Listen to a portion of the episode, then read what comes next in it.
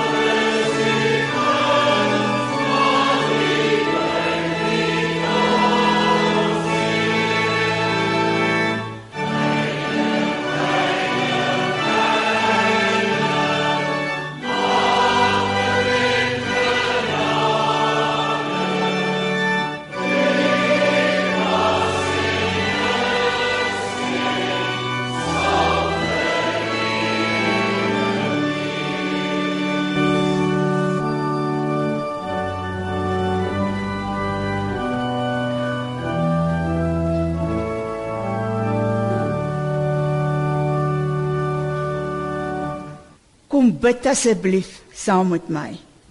Net soos ek is. Geen hulp naby, maar net u bloed gestort vir my.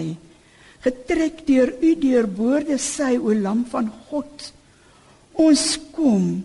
Ons kom vanoggend tot u. Ons vra om u teenwoordigheid hier in ons midde. Ons vra om die vuur van u gees wat vir ons lig en warmte bring, wat ons beweeg en besiel. Ons vra om die liefde van u seun wat ons wys en leer hoe u omgee vir mense en hoe u ons met ons medemense laat omgaan. Ons dink ver oggend spesiaal aan hulle wat saam met ons luister. Moontlik is sommige oud en moeg en worstel met pyn. Ander van ons luister vriende is moontlik aan 'n terminale bed vasgekluister. Party kan dalk skaars loop. Selfs ons wat hier teenwoordig is en die voorreg is om saam die gemeenskap van die heiliges te beoefen, sit moontlik hier met kommer. Ek ken elke hart wat ver oggend saamgebind is in hierdie erediens. Hou ons styf teen u Vaderhart vas. Spreek Heer. Ons is nou gereed om te luister. Amen. Ons skriflesing is Hosea 11 vanaf die 1ste tot die 11de vers. Luister of jy kan hoor wanneer ek die woord maar lees. Wanneer lees ek die woord maar? Toe Israel 'n kind was, het ek hom al liefgehad. Ek het hom, my seun uit Egipte geroep. Maar toe die Baals roep, het Israel my verlaat en vir die Baals gaan offer, vir die afgodsbeelde offers gebring. Ek self het Efraim leer loop. Ek het hulle op my arm gedra. Maar hulle wou nie erken dat dit ek is wat vir hulle sorg nie. Ek het hulle moet sorg en liefde gelei. Ek was vir hulle soos iemand wat die juk oplig as dit sy trekdier skaaf. Ek het na Efraim toe afgebeur buk en hom gereeld kos gegee, want ek wou nie hê dat hy weer na Egipte toe moet teruggaan of dat Assirië oor hom moet heers nie. Maar Efraim het geweier om hom te bekeer. Daarom sal sy stede deur oorlog verwoes word en sy waarsêers uitgeroei word. Hulle sal deur oorlog verteer word oor die raad wat hulle gegee het omdat my volk my verlaat het, sal party van hulle opgehang word en ander sal die slawe juk moet dra. 'n Juk wat nie afgegooi sal word nie. Maar hoe kan ek jou prys gee, Efraim? Hoe kan ek jou laat vaar, Israel? Hoe kan ek jou vernietig soos Adma? Met ek jou maak soos Seboim? Ek kan dit nie oor my hart kry nie. My liefde brand te sterk. Ek sal my gloeiende toring bedwing. Ek sal nie so ver gaan om Efraim uit te wis nie. Want ek is God, nie 'n mens nie. Ek is die heilige wat by jou is. Ek sal nie met woede ingryp nie. Hulle sal die hele Here volg. Hulle sal brul soos 'n leeu. En wanneer hy brul, sal sy kinders vol ontzag uit die weste kom. Vol ontzag sal hulle hulle soos voëls uit Egipte vlieg, soos duwe uit Israel. Ek sal hulle na hulle neste toe terugbring, sê die Here. God, die oppasse Vader. Toe Israel nog 'n kind was, het ek hom liefgehad. Ek het hom my seun uit Egipte geroep. God herinner Israel aan die pad wat hy met hulle gestap het. Hy herinner ons ver oggend aan die pad wat hy met ons stap vanaf ons geboorte af. elke dag deur moeilike en maklike dae. Hy herinner ons ook hoe hy ons bevry het uit die slawebande van 'n lewe wat uitloop op die ewige dood.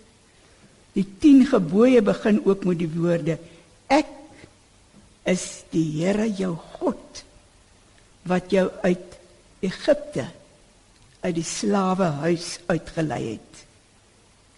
Hy sê vir ons soos vir sy volk: My seun, my dogter, my kind, ek het jou leer loop. Ek het jou op my arms gedra. Ek het jou met sorg en liefde gelei, afgebuk en gereeld kos gegee. Ek was vir jou soos iemand wat die juk oplig as dit die trekdier skaaf. Dink net die verligting Hy het dit vir sy kinders gedoen want hy wou nie dat hulle weer na Egipte toe moet teruggaan of dat Assirië, 'n vreemde volk, oor hulle moet heers nie. God gee om vir sy kinders. Versorg hulle. In elke opsig vertroetel hy hulle, sien om na hulle behoeftes en hy gee vir hulle vreugde. Dan hoor ons die eerste maar in vers 2. Maar hulle wou nie erken dat dit ek is wat vir hulle sorg nie. Toe die Baals roep, loop hulle agter die Baals aan. In plaas van met God het hulle met hulle self besig gebly. Aan die een kant gehoorsaam hulle wel die letter van die wet, hulle is welvoeglik en onberispelik. Aan die ander kant ook net vir ingeval die vreemde gode hulle daar kan kwaad aandoen probeer hulle ook maar stilletjies om die afgode te plesier want hulle het gevrees vir die gevolge sê nou daar is iets wat hulle die Israeliete kan bied of hulle kan die Israeliete dalk skade doen as hulle kwaad word ons moet maar nie te gou oordeel nie Jy wil nie aanstoot gee nie. Daarom draai jy maar 'n doewe oor as mense vuil taal gebruik of geselsies wat nie regtig by 'n Christen pas nie. Of sê nou daar is tog iets in die voorspelling van die sterre vir my hierdie week. Die nuwe prinses se sonteken is die bal. Jy gee moontlikheid voor dat dit net speels is. Maar in die geheim stuur jy jou tog daaraan. Of wat van die fortuinverteller? Hoeveel Afrikaners steur hulle in die vandag nog aan fortuinvertellers wat jou verlede of jou toekoms vir jou uitlê nie? Wat van die TV-programme waarin daar met dooies gekommunikeer word? God se woord waarsku duidelik daarteenoor. Levitikus 19 vers 31 Moenie hulp soek by geese of waarsers nie. Dit sal julle onrein maak. Is die Here, julle God. Ons het begin met heilig. Nou dan reageer die volk onlogies. En ons hoor die tweede maar. Maar Efraim het geweier om hom te bekeer. Dit klink voor ver gesog. Tog as ons eerlik moet wees, gebeur dit nie soms in ons eie lewe ook nie.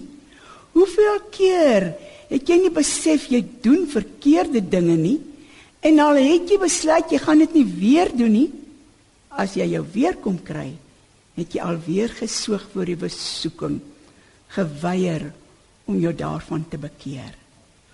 Nou op sy volk se onlogiese optrede reageer God logies. Soos ons kan verwag. Hy sê ek gaan jou straf my kind sê God. Hy spel duidelik uit hoe hy hulle gaan straf. Hy sal toesien dat hulle stede deur oorloë verwis woes word en hulle waarsers waarvan ons sopas gepraat het, gaan uitgeroei word oor die raad wat hulle gegee het. Hulle sal deur oorlog verteer word, sê God. Omdat my volk my verlaat het, sal party van hulle opgehang word. Ander sal die slawe juk moet dra, 'n juk wat nie afgegooi word nie. God sê hy sal nie langer die juk oplig nie. Inteendeel, hy sal self die juk op hulle nekke laai. Hulle sal kry wat hulle verdien.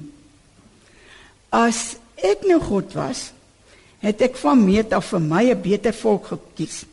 Dalk die Assiriërs met hulle waagmoed of die Egiptenaars met hulle ryke tradisie. Hulle was minstens 'n regverdige volk. Nee, ek sou nie hierdie wankelrige ou volkie gekies het nie. Maar God is God. En God is nie 'n mens nie. En daarom volg die derde maar. Op God se logiese reaksie, ek gaan straf, volg God weer met 'n maar. Hierdie keer is die maar 'n onlogiese reaksie. Maar hoe kan ek jou prys gee? Hoe kan ek jou laat vaar, my kind? Hoe kan ek jou vernietig? Ek kan dit nie oor my hart kry nie. My liefde brand te sterk. Ek sal my gloeiende toring bedwing. Ek sal nie so ver gaan om jou uit te wis nie. Want ek is God.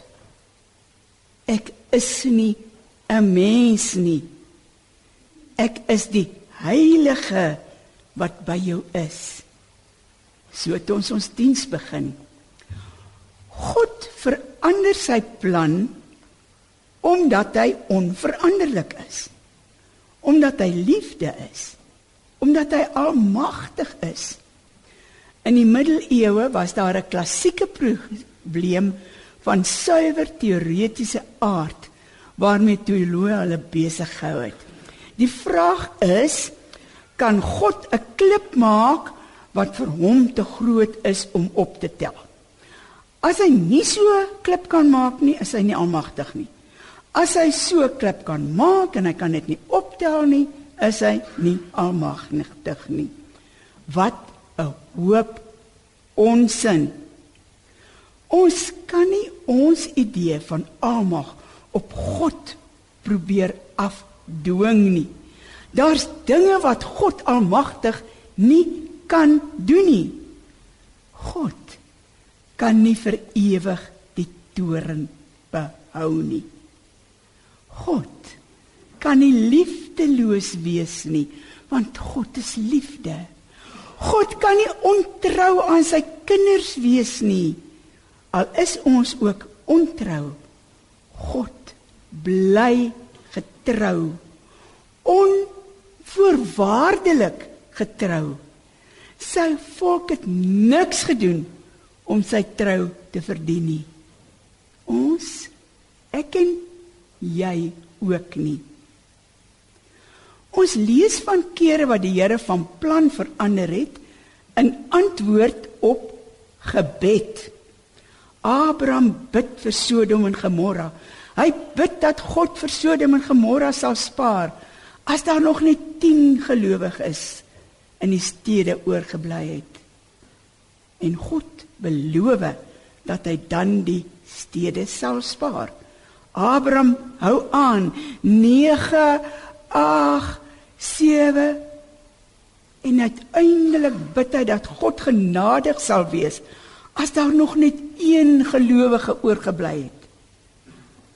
Dan sal hy nog sy plan verander maar daar was nie eers een nie. Kyk na Jonas se storie.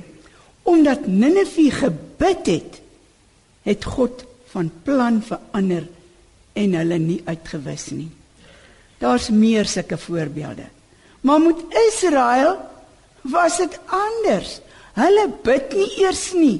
Hulle het nie saak met God nie. En tog verander God sy plan en hy straf hulle nie. Waarom? Omdat hy wil. Omdat hy God is. Hy sê uitdruklik ek is God. Ek is nie 'n mens nie. Ek is die heilige wat by jou woon. Hy verlos sy volk van sy eie toren uit eie vrye guns alleen. Nie uit enige verdienste van hulle kant af nie. Hulle bid nie eers nie. God se almag beteken dat hy alles kan doen wat hy wil doen. God kan van plan verander en dit word genade genoem. God sê vir môre vir my en vir jou my seun, my dogter, ek het jou leer loop. Ek het jou op my arms gedra, die juk van jou nek afgelig, jou kos gegee. Maar jy wou nie erken dat dit ek is wat vir jou sorg nie. Ek is moedeloos. Jy verdien niks. Jy verdien my toorn, jy verdien my straf. Jy het agter die baals aangeloop. Maar my liefde brand te groot. God voltrek nie die oordeel wat hy beloof nie. Hy verander van plan. Al is ons ontrou. Al rafel ons ook uit. Hy bly getrou. Hy gee vir ons sy Heilige Gees. Hy vertroos ons as ons seer kry. As iemand naby ons dood is of dalk nog self dood gepleeg het, in 'n ongeluk omgekom het of net weggekwyn het tot die liggaam dit nie meer kon hou nie, is dit hy wat die trane van ons wange afvee. As ons of ons kinders iewers die pad byster geraak het, tel hy ons weer op en plaas ons op die regte pad al verdien ons dit nie. Soos God se volk ook nie sy vergifnis verdien het nie. Kan ons maar net ons bankrot hande na hom uitsteek en vergifnis ontvang. As jy so moeg is dat dit vir jou voel jy gaan val, val dan maar. Want onder jou is ewige arms wat jou sal vang en dra waar jy moet wees. Hy sê vir jou en vir my, jy is myne en niemand of niks sal jou uit my hand uitruk nie. Hoe kry God dit reg? Wat doen hy dan met die straf wat hy beloof het? Hy straf sy seun. Reeds in die Ou Testament geld Jesus se soenverdienste. God het vir Eva al 'n moederbelofte gegee. Genesis 3 vers 15. Ek stel vyandskap skap tussen jou en die vrou. Tussen jou en jou nageslag en haar nageslag. Haar nageslag sal jou kop vermorsel en jy sal hom in die haksteen byt.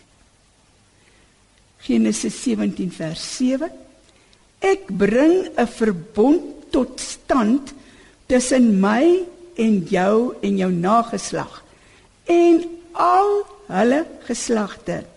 Dis 'n blywende verbond. Ek sal jou God wees en ook die God van jou nageslag. Jy en ek verdien dit nie. Ons verstaan dit nie. Ons kan dit slegs glo. Hoor hom vir oggend oor en oor in jou oor fluister. Ek is God. Ek is nie 'n mens nie.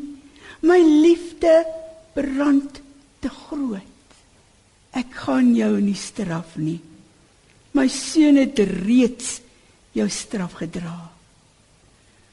En dan die laaste maar, die derde maar van Hosea 11 eindig so. Ek sal hulle na hulle neste toe terugbring, sê die Here.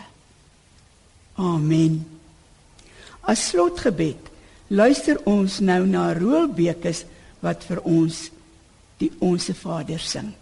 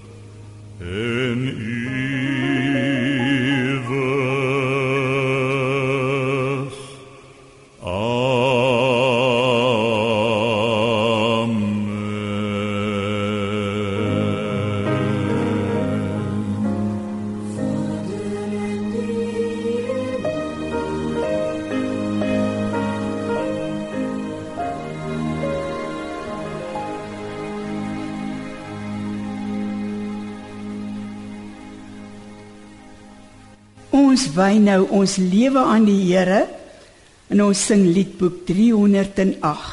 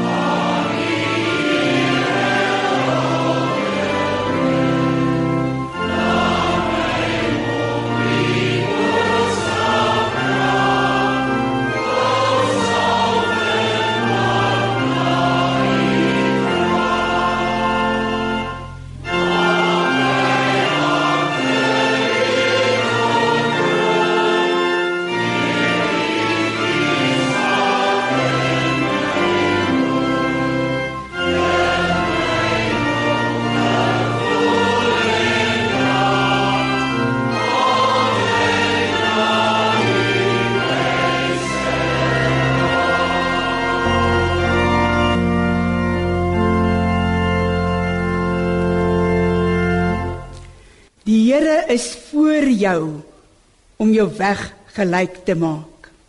Die Here is langs jou om jou in sy arms te dra. Die Here is agter jou om die aanvalle van die bose af te slaan en die Here is onder jou om jou te dra as jy mag val. Die Here is rondom jou om jou te beskerm. Die Here is bokant jou om jou te seën. Die Here is binne in jou om jou te inspireer en te lei van nou af tot in ewigheid. Amen.